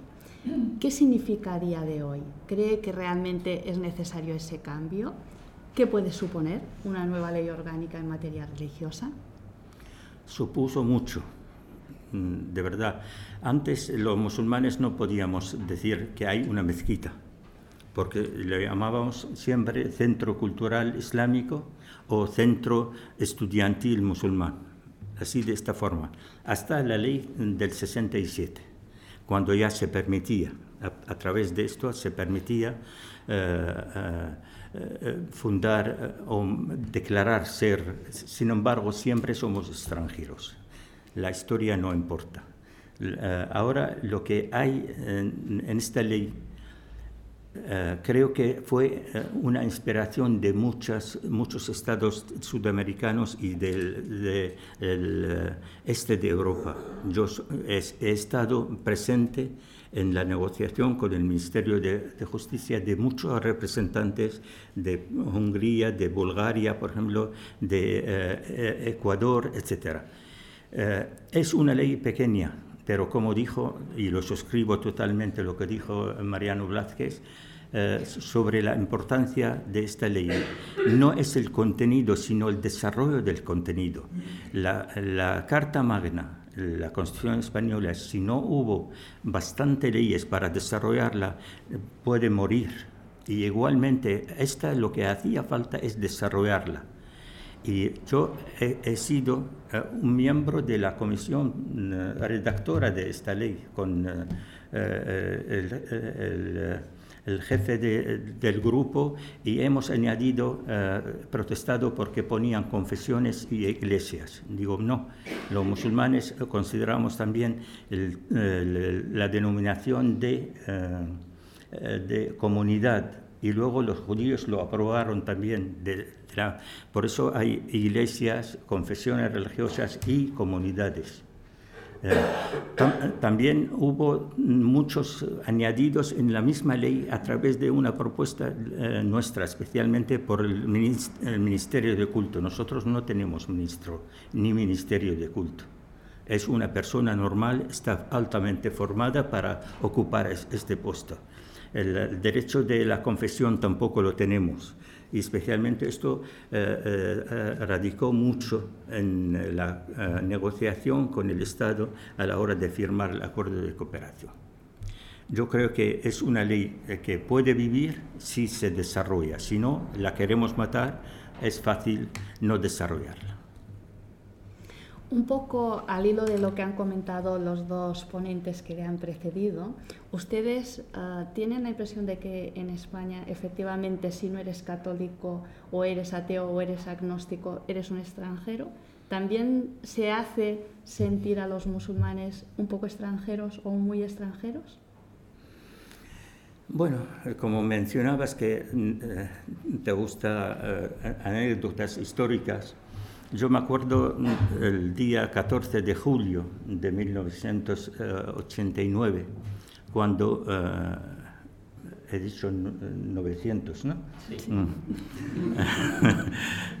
Entonces, eh, eh, me acuerdo que por unanimidad la Comisión Asesora de Libertad, de Libertad Religiosa aprobó el notorio arraigo mm, del Islam en España es un requisito de la ley de libertad religiosa para empezar a negociar con el Estado el acuerdo de cooperación.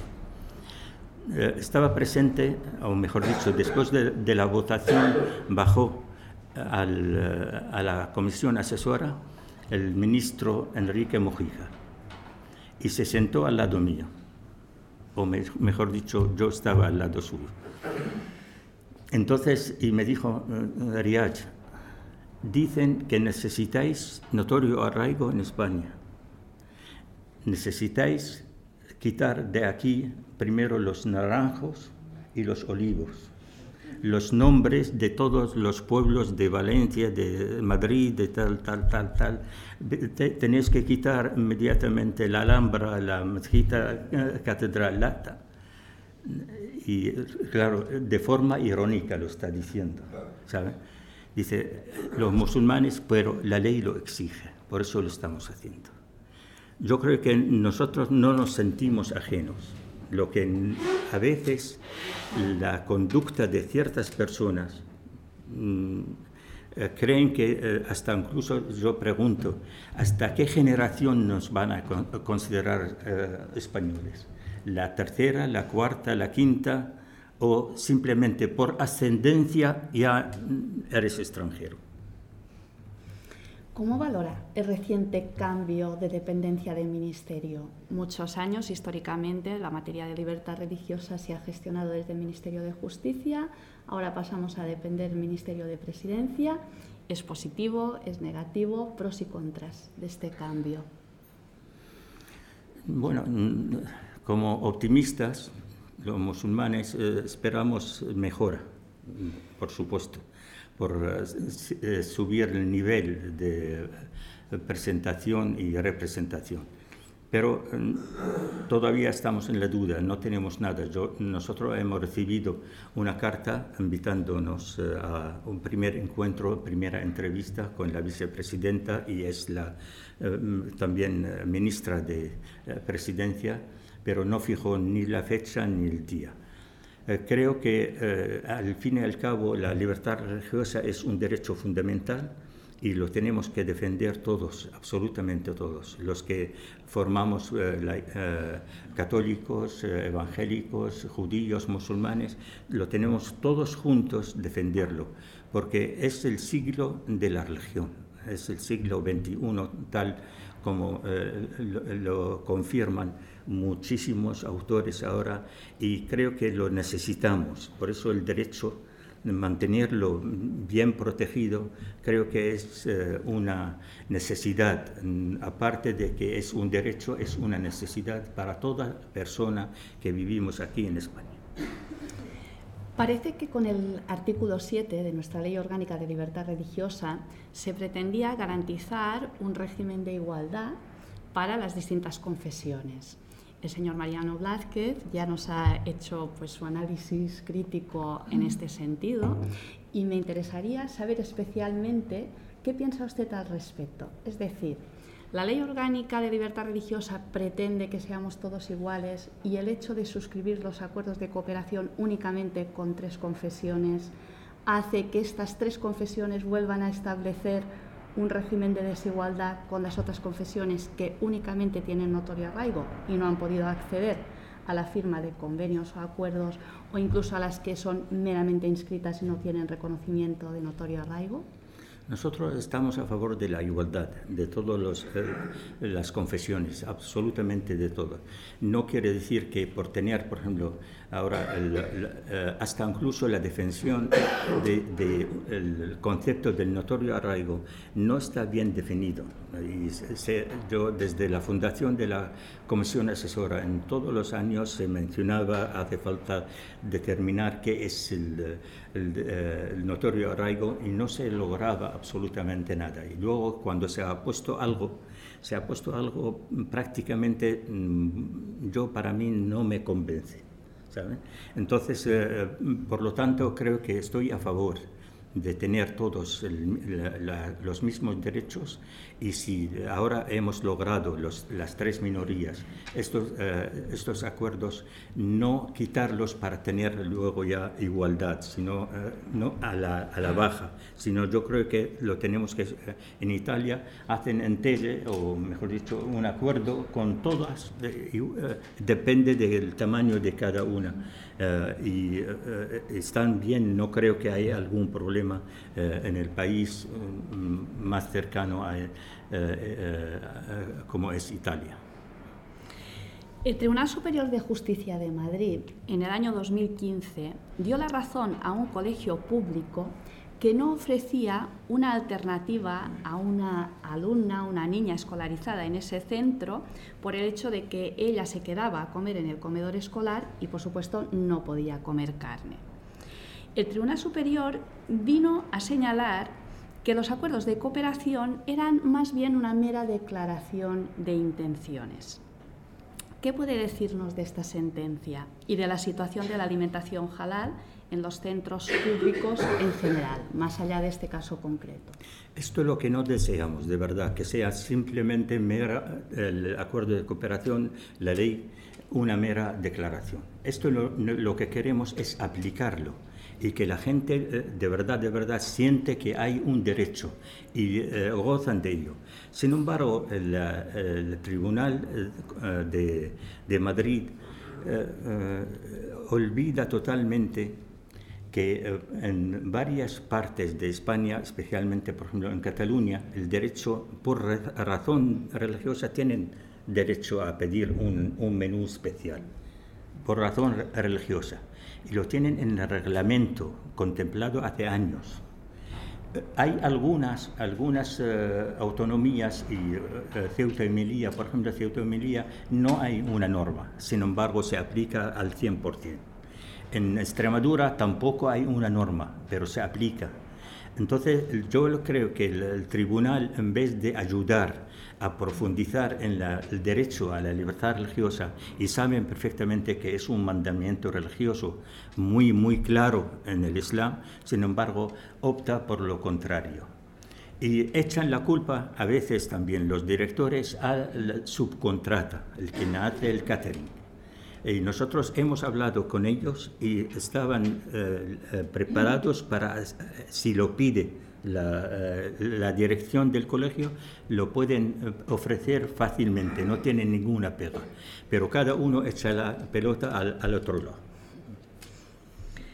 Los musulmanes cuentan con organismos propios para analizar la situación de la islamofobia en España, como es el caso del Observatorio Andalusí y del Observatorio de la Islamofobia en los medios.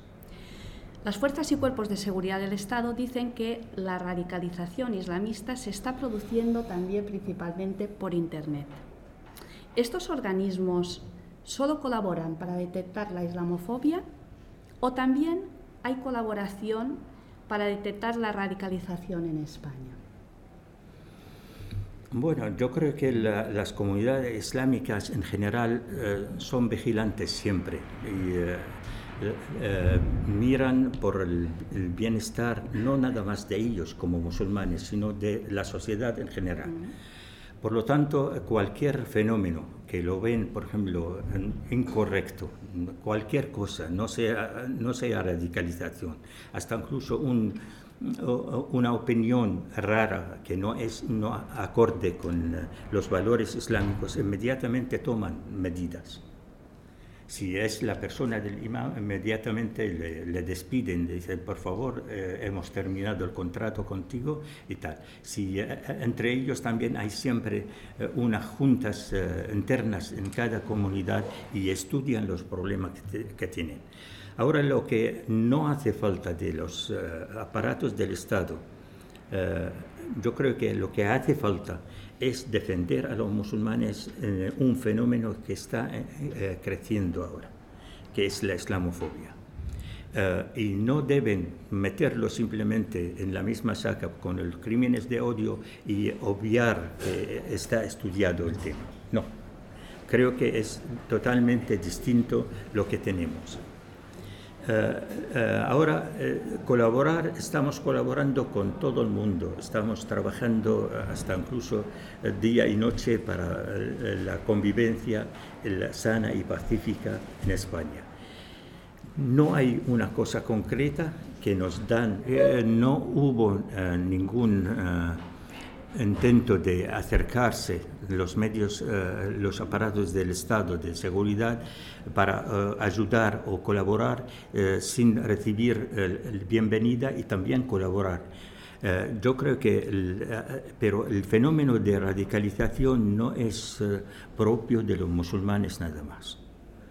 Y yo creo que en esto hay una discriminación. Ustedes reclaman la modificación del Real Decreto que afecta a la seguridad social de los imanes. Es cierto que hay mujeres que son consideradas ministros de culto, son muchas. Bueno, eh, obviando un poco el término, para nosotros es una persona eh, cualificada, sea hombre o mujer. Por ejemplo, una mujer puede ser imán eh, entre las mujeres si hay un hombre, hombres y mujeres, eh, eh, eh, se adelanta el hombre por la norma interna de la legislación islámica, especialmente en el culto. Ahora, nosotros lo que hemos pedido respecto al Real Decreto, que fue prácticamente em, puesto em, mirando hacia los curas, los que no se casan, no tienen familias y eh, tienen todo respeto nuestro, pero no corresponde a nuestros imames, que eh, son padres de familias, tienen sus hijos, etc. Hemos puesto dos alternativas. Una, la que está vigente ahora, y otra de un eh, contrato normal de cuenta ajena. De, como si fuese la comunidad, la, la, empresa y, con él, y que tenga todos los derechos como un trabajador más. Pero esto fue eh, eliminado y eh, se aprobó el otro. En, eh, yo creo que hace falta retomarlo y a mí me prometieron retomarlo y dejar las dos opciones, si quieren esta con una tasa determinada o no, con una, eh, un contrato normal con, por cuenta ajena.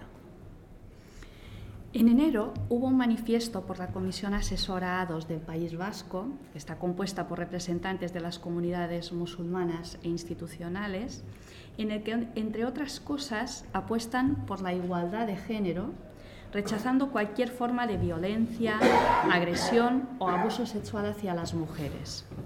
¿Tienen más propuestas de este tipo? ¿Están trabajando en este sentido? Yo creo que el único acto que se ha, desde la, fundación esto de, en 2018 hasta ahora simplemente el acto que vimos con el presidente del gobierno vasco y simplemente destacando este fenómeno. Creo que esto, ¿acaso el señor eh, presidente del gobierno lo haría con otras confesiones? Una pregunta simplemente. En materia de enterramientos, hay comunidades autónomas que permitan enterrar conforme a la forma musulmana. Otras, en cambio, no. ¿Nos puede ilustrar un poco acerca de en qué consiste el enterramiento islámico y en qué comunidades autónomas se puede practicar sin problema? Bueno, el, enterramiento mm, natural eh, que eh, propicia el, Islam es eh, tenerlo eh, directamente el cuerpo humano en una tónica de dos partes, el, eh, dirigido la cara hacia la Meca, eh, directamente al suelo, sin ataúd. Esto lo, lo, lo, modificó Andalucía hace ya bastante años y en toda Andalucía se entierra según la norma islámica en Ceuta y Melilla, sin norma, también se aplica el eh, enterramiento islámico. En Murcia igual, pero sin norma. Ahora hay una norma, yo creo que ha, ha salido del, eh, del Parlamento eh, de Castilla y León, propiciando este, esta forma de... y también en Galicia. El resto estamos luchando para tener una ley de policía eh, sanitaria mortuoria eh, para todo el país, eh, como lo hacen, por ejemplo, otros países europeos y que no hace falta luchar con, mm, con 20 gobiernos. La Ley 4978 de enterramientos en cementerios municipales prevé la posibilidad de autorizar el establecimiento de capillas o lugares de culto en los cementerios. ¿Cuántos tienen ustedes? De los 36 uh, oficialmente son cementerios musulmanes, uh, el 32 son parcelas cedidas por los ayuntamientos, por, normalmente por cementerios municipales, una parte se cede para enterramientos islámicos. Eh, y hay, la de es un cementerio islámico, fue un cementerio eh, después de la Guerra Civil Española y ahora sigue siéndolo como cementerio musulmán. Hay otro cementerio privado en Fuengirola y el resto prácticamente son todos eh, parcelas en los cementerios municipales. ¿Qué pasa con la asignatura de religión musulmana en la escuela? En algunas comunidades se imparte, en otras no. En la Comunidad Autónoma de las Islas Baleares recientemente se ha firmado un convenio para que se ponga en marcha la enseñanza musulmana en los centros docentes. Hay suficientes alumnos, hay suficientes profesores, hay problemas para la impartición. Los alumnos no faltan, desde luego. Mm, son 326 900 eh, y tantos eh, alumnos, según el censo del 31 del 12 de 2019. Eh, es decir, reciente, no lleva mucho tiempo. Maestros que tengan la cualificación idónea para primaria tenemos pocos y los que tenemos están en unos sitios distintos a la demanda.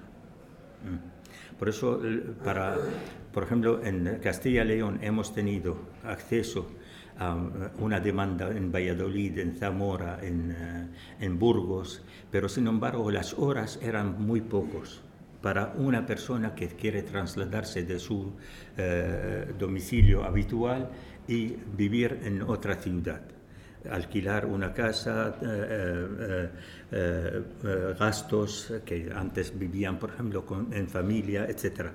Entonces, esa es la dificultad. Y la segunda dificultad, yo creo que hace falta mirar también con un poco de alturas. Es decir, en su momento, cuando fue aplicado directamente con el, el gobierno central, han considerado que la gente que tiene licenciatura, lo pueden impartir a, condición que hagan el CAP en su momento o ahora el máster de enseñanza, religiosa, eh, enseñanza eh, secundaria o incluso también eh, cualquier formación que ayude en esta materia. Lo han hecho y ha prosperado. ¿Por qué no se aplica ahora en el resto de España? Hasta el momento único, la única autonomía que no contesta no nos contesta, no es que hay diálogo, es Murcia. Y el resto, por lo menos Cataluña, este año hemos tenido, hemos tenido inmediatamente eh, ahora una, intercambiar documentos y estamos en ello para negociar este año también, empezar por lo menos en núcleos importantes donde la la demanda musulmana es muy alta, como Terraza, por ejemplo, o como Vic. Entonces, esto es lo que estamos trabajando. Hay algunas autonomías que contestan, mm, no hay demanda. Esto hay, hace falta verlo. Entonces, eh, estamos trabajando, pero desde luego, desde hace cuatro años hasta acá, eh, prácticamente el, tema de la enseñanza religiosa islámica ha, trazado otro giro totalmente distinto. ¿Qué les contestaría a quienes sostienen que en un Estado laico como el nuestro, en el que tiene que imperar el principio de neutralidad, es incompatible la enseñanza de la religión islámica en las escuelas? Creo,